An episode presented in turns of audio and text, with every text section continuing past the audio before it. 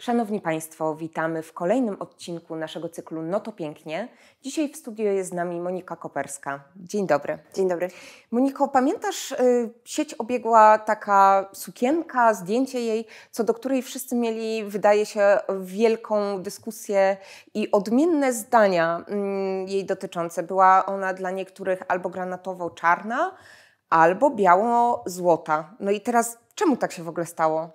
Tam faktycznie się to rozłożyło. To była bardzo fajna statystyka i po raz pierwszy tak głośno zauważono taką iluzję optyczną i to mocno przyciągnęło wiesz, taką opinię publiczną, no bo zaczęli się ludzie kłócić, jakiego ona jest faktycznie koloru. E, swoją drogą, jakiego koloru, jak, jakie były dla Ciebie kolory? No mój typ był biało-złoty. Biało-złoty, okej. Okay. Czy to coś mówi o mnie? Mam gdzieś... nie, ja Ci nie będę robić testu psychologicznego. Um, ale to trochę mówi o Tobie, jak postrzegałaś to zdjęcie. To znaczy, jak go sobie przypisałaś.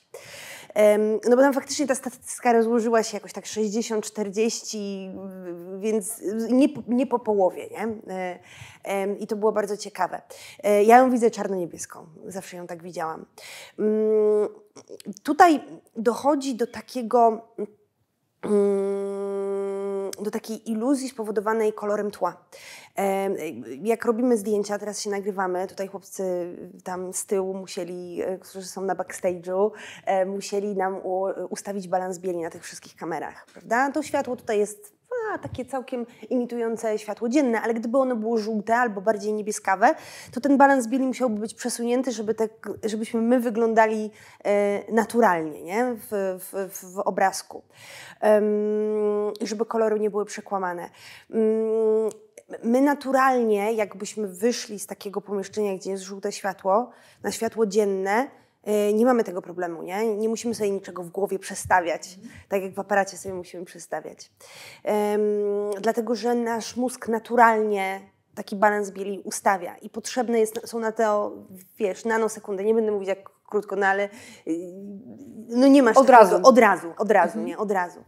Mm, i, I to samo dzieje się przy tym zdjęciu. Ty od razu zakładasz, w, jakich, e, w jakim jakby onturażu świetlnym e, ten, ten, ten, to zdjęcie było zrobione. Ono było tak dziwnie sfotografowane, że jeden róg tego zdjęcia insynuował, że było w świetle dziennym, a jeden, że właśnie w takim, takim niebieskawym wręcz świetle, a drugi, że w takim żółtym, wiesz, taka e, oldschoolowa, PRL-owska żarówa, żarowa, która daje ci takie żółte, żółte światło. Mm, no i stąd, e, stąd to, e, ten dysonans. Bo w momencie, kiedy mm, jest takie mocno żółte światło, to ten kolor tła idzie w niebieski, nie? I te miejsca białe robią się niebieskie, a w drugą stronę, jeżeli za bardzo żółte, no to ten kolor tła będzie, będzie, będzie niebieski e, i dla te, e, będzie żółty, przepraszam, i dlatego, dlatego właśnie ten odcień, e, odcień złoty. Złoty.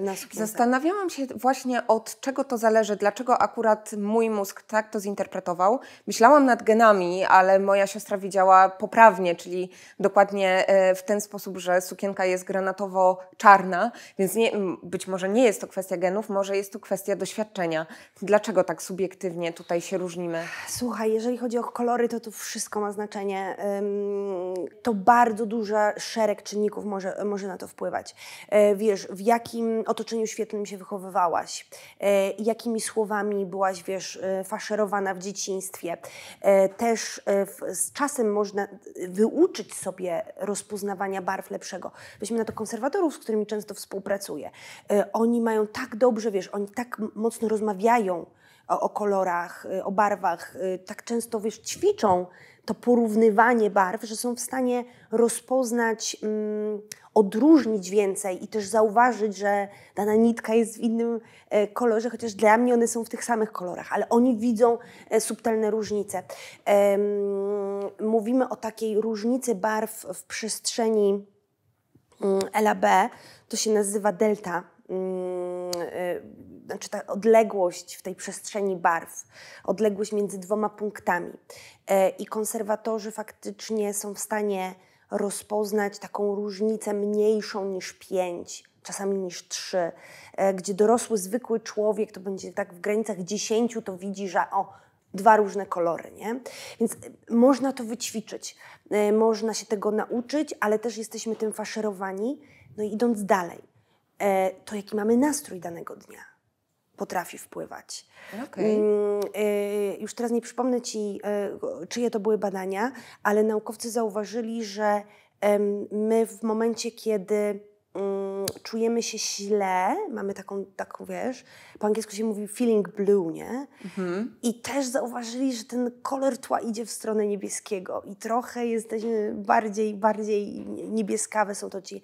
To wszystko jest bardzo subiektywne. To wszystko, po pierwsze, nie ma kolorów, nie? To wszystko dzieje się w naszej głowie, więc to wszystko, czym faszerujemy ten nasz komputer w naszej głowie, komputer w naszej głowie, um, no to on będzie ci oddawać pewne różne informacje. A chciałam Cię e, zapytać o Twoją opinię na temat dzieł sztuki i właśnie takiej gry kolorów, którą e, stosują artyści.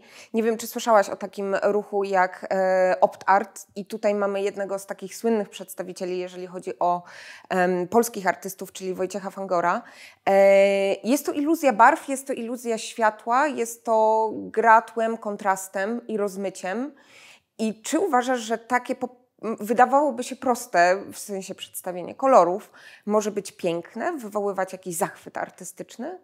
Wiesz co, tego konkretnego artysty nie kojarzę, natomiast kojarzę Strzemińskiego, hmm. który no, troszkę wcześniej e, zaczął bawić się takim zjawiskiem, jakim jest powidok. Hmm.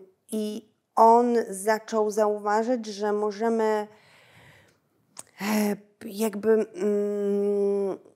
Po pierwsze odwzorowywać pewne kolory na obrazie, których kompletnie nie ma. No bo jak patrzymy się długo na słońce i popatrzymy się na coś innego, to doznajemy takiego dziwnego wrażenia, jakiegoś pulsowania jakiejś, jakiegoś komponentu barwnego w przedmiocie, którego nie ma. No to jest, to jest właśnie ten powidok, nie? Czyli e, patrząc na dane źródło światła, tak sobie męczymy dane czopki, dane wiesz tam wrażliwe na daną długość tego światła, że to zmęczenie zostaje. Y, I, i, i przez chwilę y, doznajemy pewnej, pewnej iluzji właśnie tego powidoku. Y, I w taki sposób tworzy się mm, kolory, których nie ma. Ja, ja Ci przygotowałam właśnie taką iluzję żeby pokazać Ci takie trzy kolory, o których mówi, że się, mówi się, że, się, że nie ma. E, polega to na tym, że musimy patrzeć e, długo.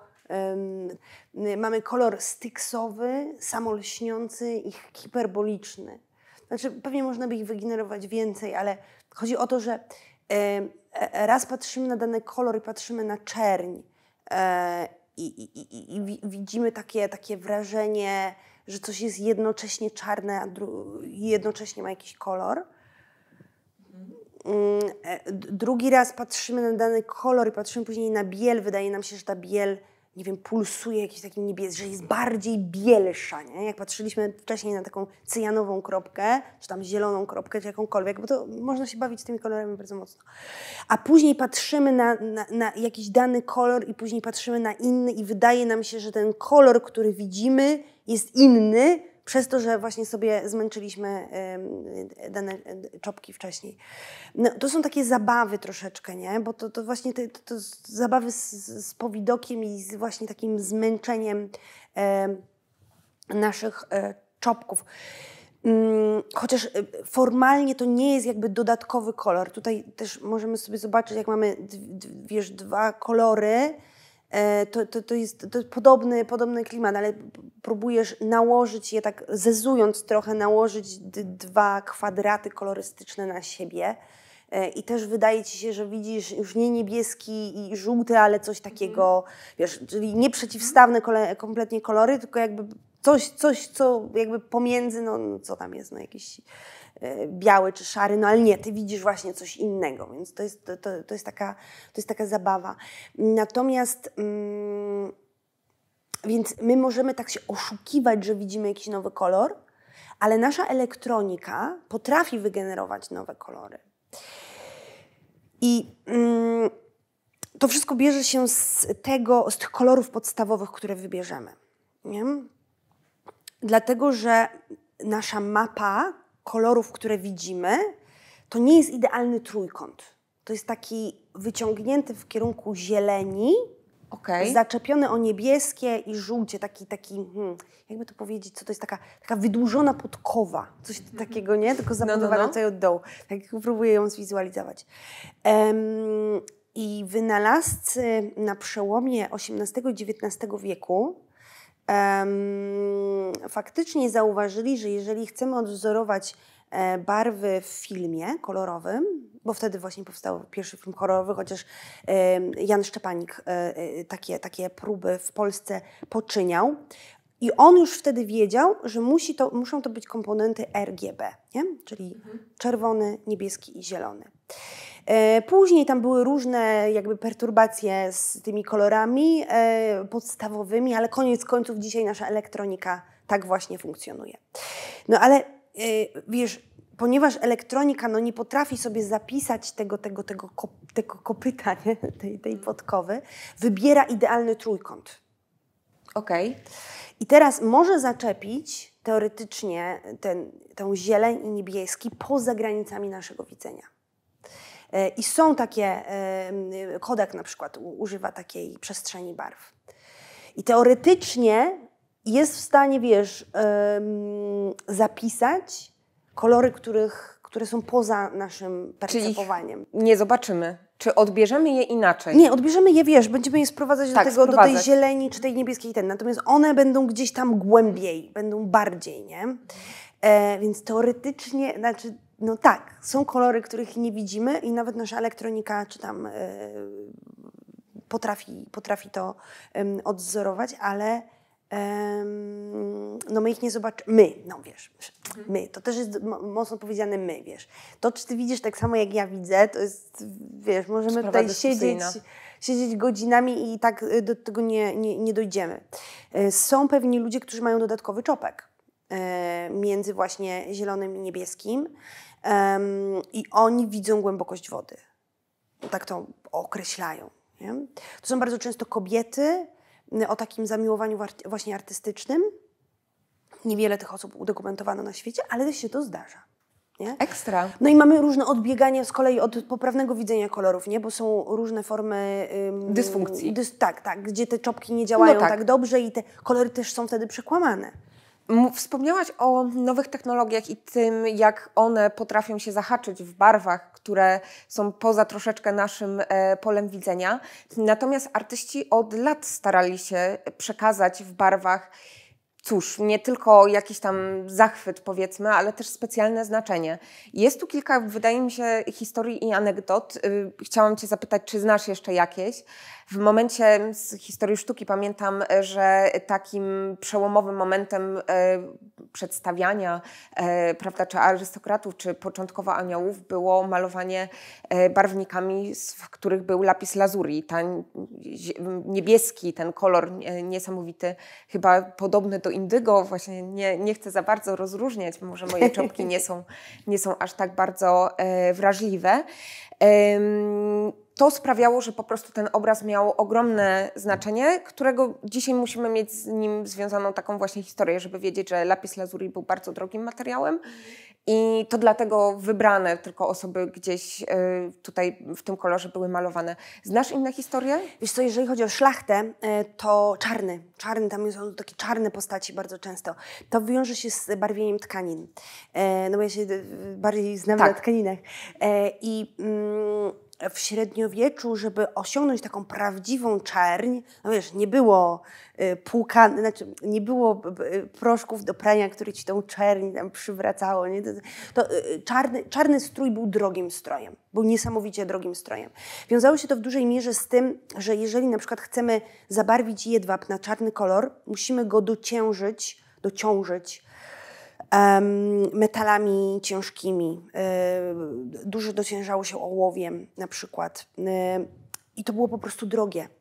E, Więc żeby osiągnąć taką prawdziwą czarną bie, czarną, bie, czarny, czarny, em, trzeba było wydać na to dużo, na te sole różnych metali ciężkich. Dociężenie jedwabiu jest związane z tym, że z kolei e, my kawałek jedwabiu w trakcie obróbki, tą otoczkę serycynową musimy zabrać i em, no i sprzedawanie takiego jedwabiu na wagę wiąże się z tym, że wiesz, masz lżejszy jedwab. E, więc dociążano go z tej przyczyny, a z drugiej przyczyny takiej, że po prostu barwniki się lepiej e, chwytały tej tkaniny, która miała przy sobie jakiś, jakiś wiesz, e, miejsce, gdzie jest dużo elektronów, nie? bo to ciężki, ciężki jon.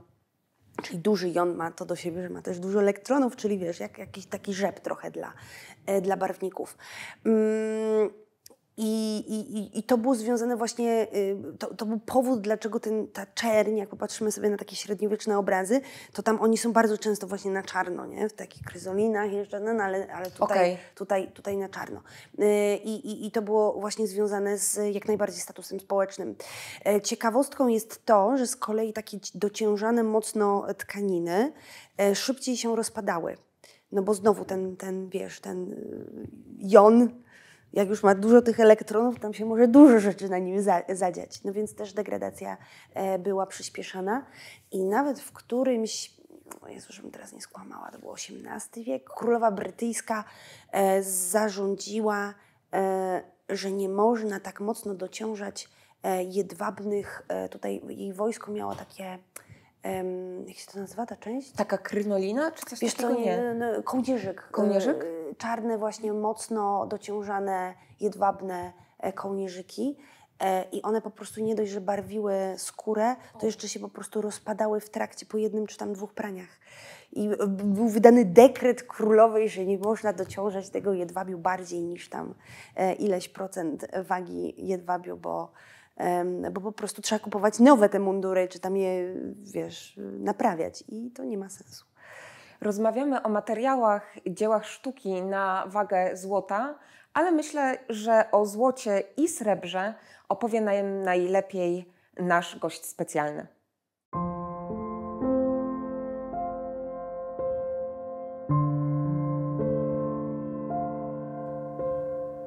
Myślę, że biżuteria oczywiście w ramach wielu wieków, kiedy istnieje, bo faktycznie już w 80, 80 tysięcy lat temu znaleziono pierwsze y, muszelki, które miały dziurkę i zakłada się, że to była biżuteria, no, miała najróżniejsze role. Dzisiaj myślę, że najważniejszą rolą, rolą dla biżuterii jest y, oczywiście oprócz tego, że musi być piękna, że musi nas zdobić, musi o nas opowiadać. Czyli musi mówić o tym, jakie jesteśmy, co lubimy.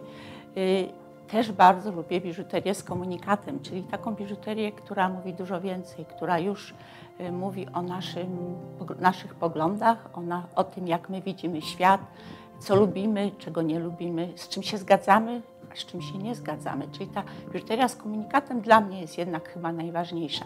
Myślę, że też y, podkreślić warto to, że biżuteria, która jest zawsze z nami, jest taką częścią naszego ciała właściwie, przenosi wszystkie ważne momenty w naszym życiu, przenosi wszystkie emocje. Y, to jest przedmiot, który możemy zostawić naszym córkom, naszym wnuczkom i one będą pamiętały o nas dzięki tej biżuterii. Największe wartości, o które walczymy, to właśnie to równouprawnienie, jest partnerstwo, to żebyśmy nie miały żadnych szklanych sufitów, szklanych ścian, tylko żebyśmy mogły realizować swoje marzenia. Oczywiście nie jestem przeciwko tym takim typowym społecznym rolom kobiety, czyli sama jestem matką, sama jestem babcią i fantastycznie się z tym czuję i chcę, żeby y, ten świat nowy, który będziemy budować dla moich y, y, wnuczek, był światem takim właśnie bardzo dobrym, gdzie, będą, gdzie nikt nie będzie im mówił, co mają robić, jak mają robić, gdzie one same będą dokładnie wiedziały, czego chcą od życia i będą mogły realizować się.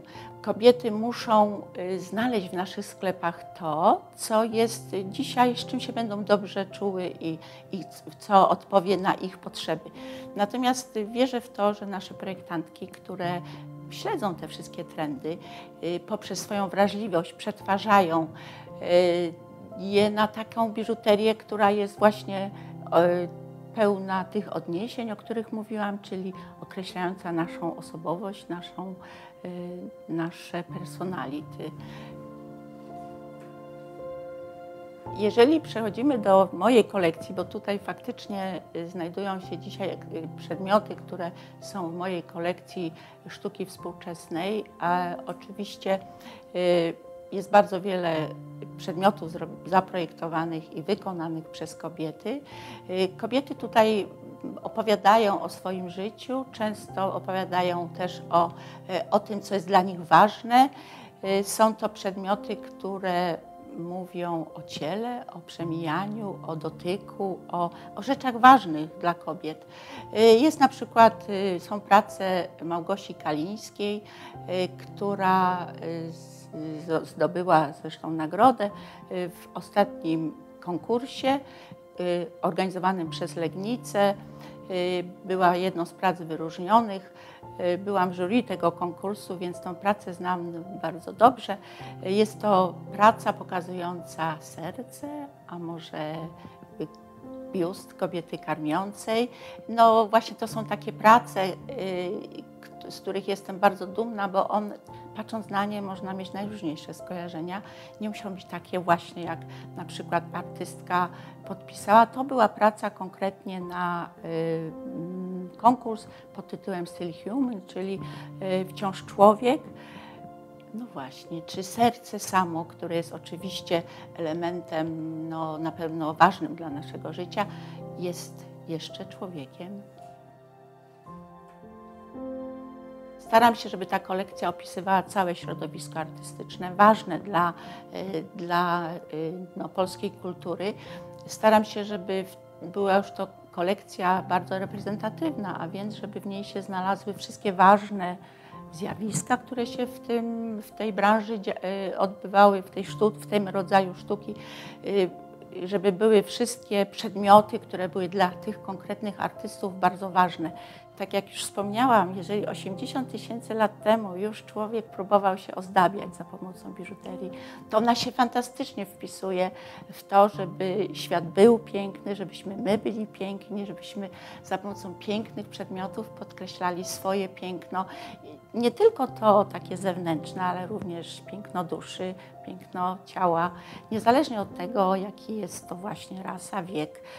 Buntuje się też przeciwko temu, że się wdrukowuje małym dziewczynkom pewien kanon piękna, który wcale takim kanonem nie jest i nie powinien być. Powinniśmy jednak stawiać na, na różnorodność, na to, że, że wszyscy chcemy, żeby ten świat był różnorodny. Nie chciałabym takiego świata, gdzie wszyscy będą chodzić w dżinsach, t-shirtach i baseballówkach. To na pewno nie jest moje marzenie. Natomiast piękno. No, piękno jest y, czymś bardzo ważnym i, i wierzę, że ono będzie, że przetrwa. To już kiedyś y, Picasso powiedział, że można y, z, ze słońca zrobić żółtą plamę, ale również można z żółtej plamy zrobić słońce. I ja bym chciała, żeby tak ten świat wyglądał, żebyśmy wszyscy robili słońce dla innych.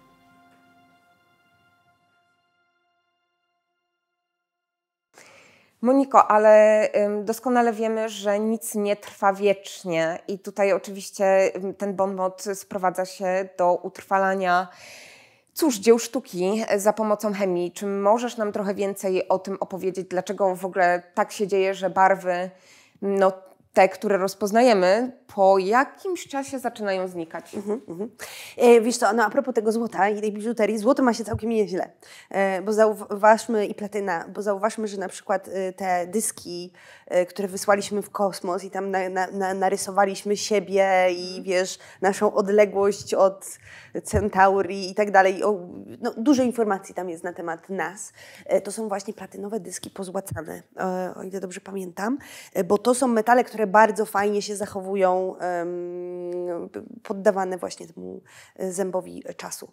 Mm, e, ale, ale to nie tyczy się całej naszej, prawda, otaczającemu światu. Znaczy, wiesz, no, już termodynamika mówi nam, że wszystko dąży do chaosu, tak? Czyli ta entropia rośnie. Słynna entropia. Słynna entropia rośnie. Czyli to, że, że mamy na sobie y, cokolwiek, że my jesteśmy. Że jest w porządek w moim mieszkaniu, a później dwie godziny później nie wiem, co się stało. Znaczy ja nie wiem, czy to jest akurat entropia, czy to jest twoja osobowość, ale, y, ale tak, no, generalnie y, chodzi o to, że powinniśmy, to wszystko powinno się rozpaść, co nas otacza, koniec końców. Znaczy rozpaść, no, do, do, do, dojść do takiej homogennej mieszaniny atomów wręcz, prawda? No i my z tym, z tym czasem, z tą, z tą entropią walczymy w jakiś sposób, to znaczy chcemy jej przeciwdziałać. Znaczy, Okej, okay, czy walczymy, czy nie walczymy, jakby to, bo to też jest de decyzja estetyczna i moralna konserwatorów, nie? Bo jeszcze o niej wspomnimy. Ale z punktu widzenia właśnie takiego fizykochemicznego, e, no to zachodzą procesy, które powodują, że a, zmienia się barwa, no bo te barwniki nam się z, zaczynają rozpadać, nie? Yy, które w tej tam tkaninie, obrazie czy czymkolwiek są. E, B, zaczyna nam się sam materiał, z czego to jest zbudowane, yy, no, w jakiś sposób rozpadać. W jaki? Pod wpływem światła, tlenu. To są dwie, dwa najmocniejsze jakby czynniki, e, czyli zaczyna się utleniać, wiązać z tlenem. Tlenu jest dużo. Um, a druga rzecz, zaczyna nam się pod wpływem e, właśnie tego światła e, reagować, no też przede wszystkim e, właśnie z, z tlenem, ale ta, ta reakcja jest przyspieszana, im więcej światła łapie dany obiekt. A chciałam Cię zapytać o takie pojęcie z tym, tak mam wrażenie, związane anoksja, żeby je wyjaśnić. Udusić. Udusić, udusić właśnie. Udusić, udusić. Chemicy duszą tak. różne obiekty. Na czym to w ogóle polega? No mamy, mamy taki koncept, żeby dusić obiekty, czyli zabierać im tlen. Ja tak się śmieję, mówię dusić. I to jest ta anoksja, tak? To jest anoksja. Anoksja, hipoksja. Anoksja to jest formalnie y, brak tlenu, hipoksja bardzo niska zawartość tlenu. E, czasami anoksji się nie da osiągnąć, bo po prostu mamy ten tlen y, zanurzony w tych obiektach, w sensie tam głęboko okay. w strukturze. E, Czyli najpierw je trzeba odtlenić w jakiś sposób? Tak, płucze się, y, zależy jaki masz budżet, no azotem albo helem, nie? Jakby okay. nie, trudno domyśleć się, że helem. Czyli helem, no to idę do e, najbliższego parku zabaw i proszę o butlę. Znaczy, no można też zamówić w jakiejś, tak. prawda, firmie, która się zajmuje takimi rzeczami, ale można też tak. E, no i płuczemy taką, taki obiekt, wiesz, ale zanim zamkniemy w ogóle w takim, zanim zaczniemy dusić, trzeba mocno taki obiekt przebadać. Nie każdy obiekt można udusić. E, przykładem e, są tutaj chorągwie, które mamy na Wawelu, z którymi e, miałam okazję zaprzyjaźnić się podczas doktoratu. One są jedwabne, są z XVI wieku i e, no, to wiesz, jakaś tam chorągiew narodowa, jakaś tam chorągiew z okazji śmierci jakiegoś tam szlachcica Baryziego. No i taka chorągiew, którą Sobieski zdobył pod Wiedniem od Turków. To w ogóle jest cudowna historia, bo ona y, widać, że jest zrobiona z innego jedwabiu. To znaczy nawet ja analizując ten jedwab y, w podczerwieni widziałam, że on po prostu jest inny. Bo te jedwabie w Europie pochodzą od siedmiu jedwabników, które tam przemycono kiedyś i one jest całkiem jednolity jedwab. Natomiast on, ta, ta, ta chorągiew właśnie turecka y, ma także, środek jest zielony i ma czerwoną bordiurę. I zaczęliśmy analizować to e, pod kątem tego, jak mocno będzie zmieniany kolor e, w czasie, właśnie w tlenie i bez tlenu. Mamy taką maszynę, która w jeden punkt świeci bardzo mocnym światłem, intensywnym, dziennym światłem, znaczy dziennym, no, imitacją dziennego światła, e, w jeden punkcik i zaczyna ten punkcik postarzać. Znaczy, symulujemy sobie, przyspieszamy czas trochę. W tym punkcie, można by powiedzieć, podróżujemy w czasie. I mm, ten punkcik jest na tyle mały, że wiesz, jak później popatrzysz z daleka, to nie widzisz tego punktu, gdzie tam postarzaliśmy. I my w tym samym punkcie mierzymy cały czas tą barwę tego obiektu. I jesteśmy w stanie powiedzieć, po jakiej dawce światła, e, jak zmieni się ta barwa. E, no i też byliśmy w stanie to zrobić w takiej komorze, gdzie tego tlenu nie było. No i ten zielony jak najbardziej będzie dobrze, jeżeli udusimy, ale ten czerwony. Niekoniecznie. Absolutnie nie. To znaczy, tam zaczną zachodzić procesy w braku tlenu, redukcji tego barwnika, która, które będą powodować po prostu jeszcze bardziej takie e, zbrązowacenie e, tego, tego, tej czerwieni. Więc akurat tej konkretnej chorągwi udusić nie można, e, bo po prostu nam zmieni barwy jeszcze bardziej. Tak, i Sobieski będzie się w grobie przewracał, że zdobyta przez niego chorągiew się właśnie rozpada. Natomiast yy, w ogóle, jeżeli chodzi o, na koniec sam chciałam Cię zapytać o mm, naukę w konserwacji. Słyszałam bardzo często o badaniach, yy, no takich już pod rentgenem związanych z fałszerstwami dzieł sztuki. E, I chciałam Cię zapytać o e, takie przykłady, gdzie czy chemia, czy, czy właśnie nauki pokrewne pomagają nam zachować e, dzieła sztuki na dłużej. Znaczy, oczywiście tak, znaczy, bo, bo, bo teraz pytasz mnie trochę o konserwację, o której dużo czytałam i jakby konserwatorem nie jestem, ale pytasz też o takie analizy w różnych długościach światła, nie? Mhm. I one tak, one pomagają zobaczyć głębiej w ultrafiolecie możemy zobaczyć, gdzie były robione wszelkie retusze.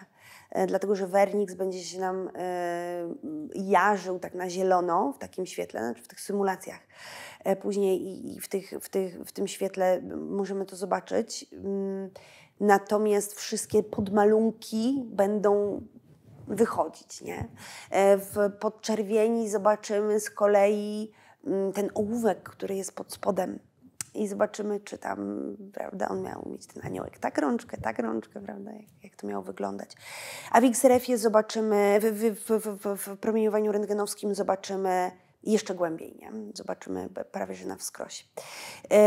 I, I to wszystko techniki, które pomagają, um, znaczy w ogóle dzieło przed jakąkolwiek konserwacją należy mocno przebadać bo my chcemy mm, pomóc e, konserwatorom, żeby używali podobnych technik, i podobnych substancji. E, to znaczy, mm, nie będziesz uzupełniać e, olejnego obrazu temperą, czyli nie będziesz tam dodawać jajka nie? Do, do, do tej farby, tylko będziesz chciała pracować z olejem w tej farbie, bo nie, to ci się nie chwyci, nie, nie, nie złapie i będziesz chciała uzupełniać ubytki w tkaninach właśnie barwnikami, które są podobne do tego, co było używane wcześniej. Ale, i teraz jak już doszliśmy do tego momentu, to chciałabym też porozmawiać o rekonstrukcji i konserwacji. Wczoraj, mm, właśnie przed naszą rozmową, sięgnęłam po podręcznik z 1951 roku profesora Pieńkowskiego, który właśnie w wstępie do książki o konserwacji zaczyna pisać o swoich rozterkach e, na temat tego, czy powinniśmy konserwować, rekonstruować, czy nie rekonstruować. I on opisuje tą sytuację sprzed no już pół wieku jako sytuację, w której no bardzo często e, nic z tymi obiektami nie robiliśmy, bo chcieliśmy, żeby one były takie rozpadające się. Nie? Wyglądały na stare. Tak. Mhm. Później zaczęła się faktycznie taka tendencja do tego, żeby odnawiać. Ona była bardzo krótko. No bo odbiorca zaczął dziwnie postrzegać tą wazę wiesz, sprzed kilku wieków, która wygląda jakby przed chwilą wyszła ze sklepu. Mhm. I w tym momencie doszliśmy do takiego etapu, gdzie ta rekonstrukcja powinna być mocno oddzielona od całej reszty. O czym mówię? Na przykład odbudowane mury dookoła Warszawy, Starego Miasta Warszawa, są oddzielone taką czarną kreską. O! Gdzie widzisz, gdzie ten mur był oryginalny. Okay. On jest tam mocno przy ziemi oczywiście, no Warszawa. A ta cała góra jest, jest inna, nie? Czyli y, kolor cegły został zachowany taki sam, ale jest mocna gruba kreska. Czy to daje większą wolność? Bo wtedy tą całą górę możesz sobie mm, jakby dobudować wręcz bez zachowania takiej stricte e, no nie, no jednak, estetyki? Czy? Mm, no nie, no chcemy ten, jednak ten, tą, tą, tą, to obcowanie z tym dziełem, jak w tym wypadku architektura, y, żeby było zachowane, nie? czyli jakoś jednak ucieka się do zdjęć z tych przestrzeni okay. i je po prostu odwzorowuje, bo to, to raczej na tym polega. Um... No a co w przypadku z takimi dziełami, których no, wspomniałaś o wazie? Nie wyobrażam sobie takiego trochę małego obiektu z narysowanymi jakimiś mm, kreskami. Które, nie, wypełnienia na przykład mają zupełnie inny kolor wtedy. tutaj ubytku na przykład poskładana Czyli to waza jest taka- mhm. i ubytek jest na przykład w zupełnie innym kolorze, Okej. żeby pokazać e, widzowi, że no bo dałoby się ją doprowadzić do takiej Tak. nówki, prawie że nieśmiganej, nie? E, Tylko, że to trochę tak jakbyśmy, e, widziałeś kiedyś jak Wawel wyglądał, by mówię o dziedzińcu Wawelu, e, Tak. jakby wyglądał w tych kolorach renesansowych. Nam się kojarzy z takim białym piaskowcem, nie? Takim bardzo No. takim eleganckim. No on był w takich bardzo pstrokatych, niebieskich, zieleniach, czerwieniach i żółciach. Bardzo pstrokatych. Bardzo. Tam jest taki fragment, który, na którym można to zobaczyć. E, I on kompletnie jakby się nie, nie Tak, spina tak, z tak, tym, tak. jak my sobie wyobrażamy dziedziniec Wawelu. E, I znowu tutaj odbiór y, zwiedzającego społeczeństwa byłby taki, że y, ja tego nie chcę. Ja chcę, żeby to było stare. Ja oczekuję, żeby to było, to było, to było stare. To mi daje taki mm, komfort tego, że jestem w stanie to umiejscowić w przeszłości e, i widzieć ten właśnie, ten, ten, ten, ten, ten, ten rozpad pod wpływem czasu. My go trochę oczekujemy e, po starych e, dziełach. Nie odnawiamy zupełnie, wiesz, do, do... A też nie tworzymy czegoś nowego na tym, na tym dziele. Znaczy mówię my, mówiąc bardziej o konserwatorach, których nie jestem, ale, ale, ale taka tendencja jest w, w, w konserwacji, w, że, że ta restauracja em, musi się oddzielić tą właśnie mocną kreską. Tak samo w Malborku byłam ostatnio. Em, cała ta się ściana zawaliła e, przecież w, w, w kaplicy malborskiej i widzisz tą różnicę. E, W sensie ta, ta ściana, która jest odbudowana, jest wyraźnie ró- różna, a y, wielki krzyż z Jezusem, który tam wisi na tej ścianie, nigdy nie został, wiesz, e, odbudowany i, i taki, taki masz taki, taką, taką symbolikę tego, że właśnie kiedyś ten kawałek ściany się na to zawalił i obdarł, wiesz, i został ci ten korpus Jezusa i zostały ci tylko nogi i ręce, wiesz, zostaje ci, ale to ci daje takie wrażenie, wiesz, o wiele mocniejszy przekaz, nie? Rozumiem. Gdyby to był cały Jezus, który wisi na ścianie, to byś sobie pomyślała, "Mm, no okej, no jakby pewnie przeleciałabyś nad tym wzrokiem, nie? A tak pod nim stoją y, masy turystów i robią mu zdjęcia, bo, bo, bo jest wyjątkowy, bo opowiada jakąś historię. Jednak my oczekujemy, żeby te obiekty, wiesz, obcowanie z tymi obiektami w muzeach czy przestrzeniach takich starszych, żeby nam to opowiadało pewną historię. E, A nie żeby było taką po prostu obcowaniem z materią, nie? No właśnie tą historię, te historie, które kryją te obiekty, mm, to jest coś, co myślę warto pielęgnować i, i to jest coś, co, co, co, z czym chcemy obcować. Mm, Jeśli mogę, chcę Ci opowiedzieć jeszcze właśnie, bo tak mi przyszło do głowy, że to dobry moment, żeby o tym powiedzieć.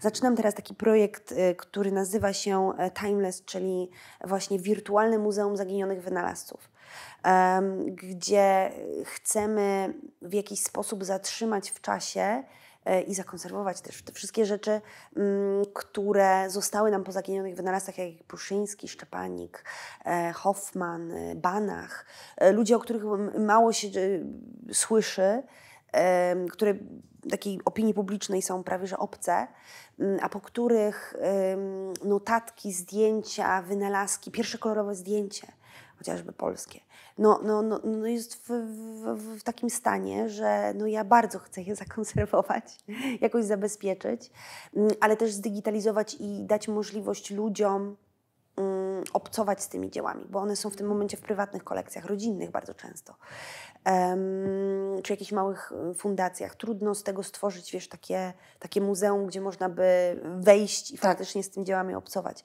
Więc tutaj y, pomysł, żeby przejść właśnie do tego wirtualnego świata, metaversu I, i stworzyć tam właśnie sobie takie, takie, y, takie muzeum, żebyśmy cały czas z tą, z tą, no dla mnie jest to sztuka cały czas, nie? Mogli, mm, mogli, mogli obcować. Czyli kolejne wyzwanie, jak dzieła, które są rozproszone, które są czyjąś własnością, jak upubliczniać i Tak. z, w, jednym, w jednym miejscu. Mówiliśmy dzisiaj dużo o czasie i o przemijaniu, i niestety ten odcinek dobiega już końca. Natomiast zapraszamy już za tydzień na e, kolejną część programu No to Pięknie. Zapraszamy też do subskrybowania. Na pewno widzą Państwo gdzieś przycisk subskrybuj na dole. Jest on o barwie czerwieni, więc e, tutaj jeszcze kolejne... Statystycznie większość z nas y, widzi to jako czerwony. Pewnie tak. Zapraszamy bardzo serdecznie i do zobaczenia za tydzień.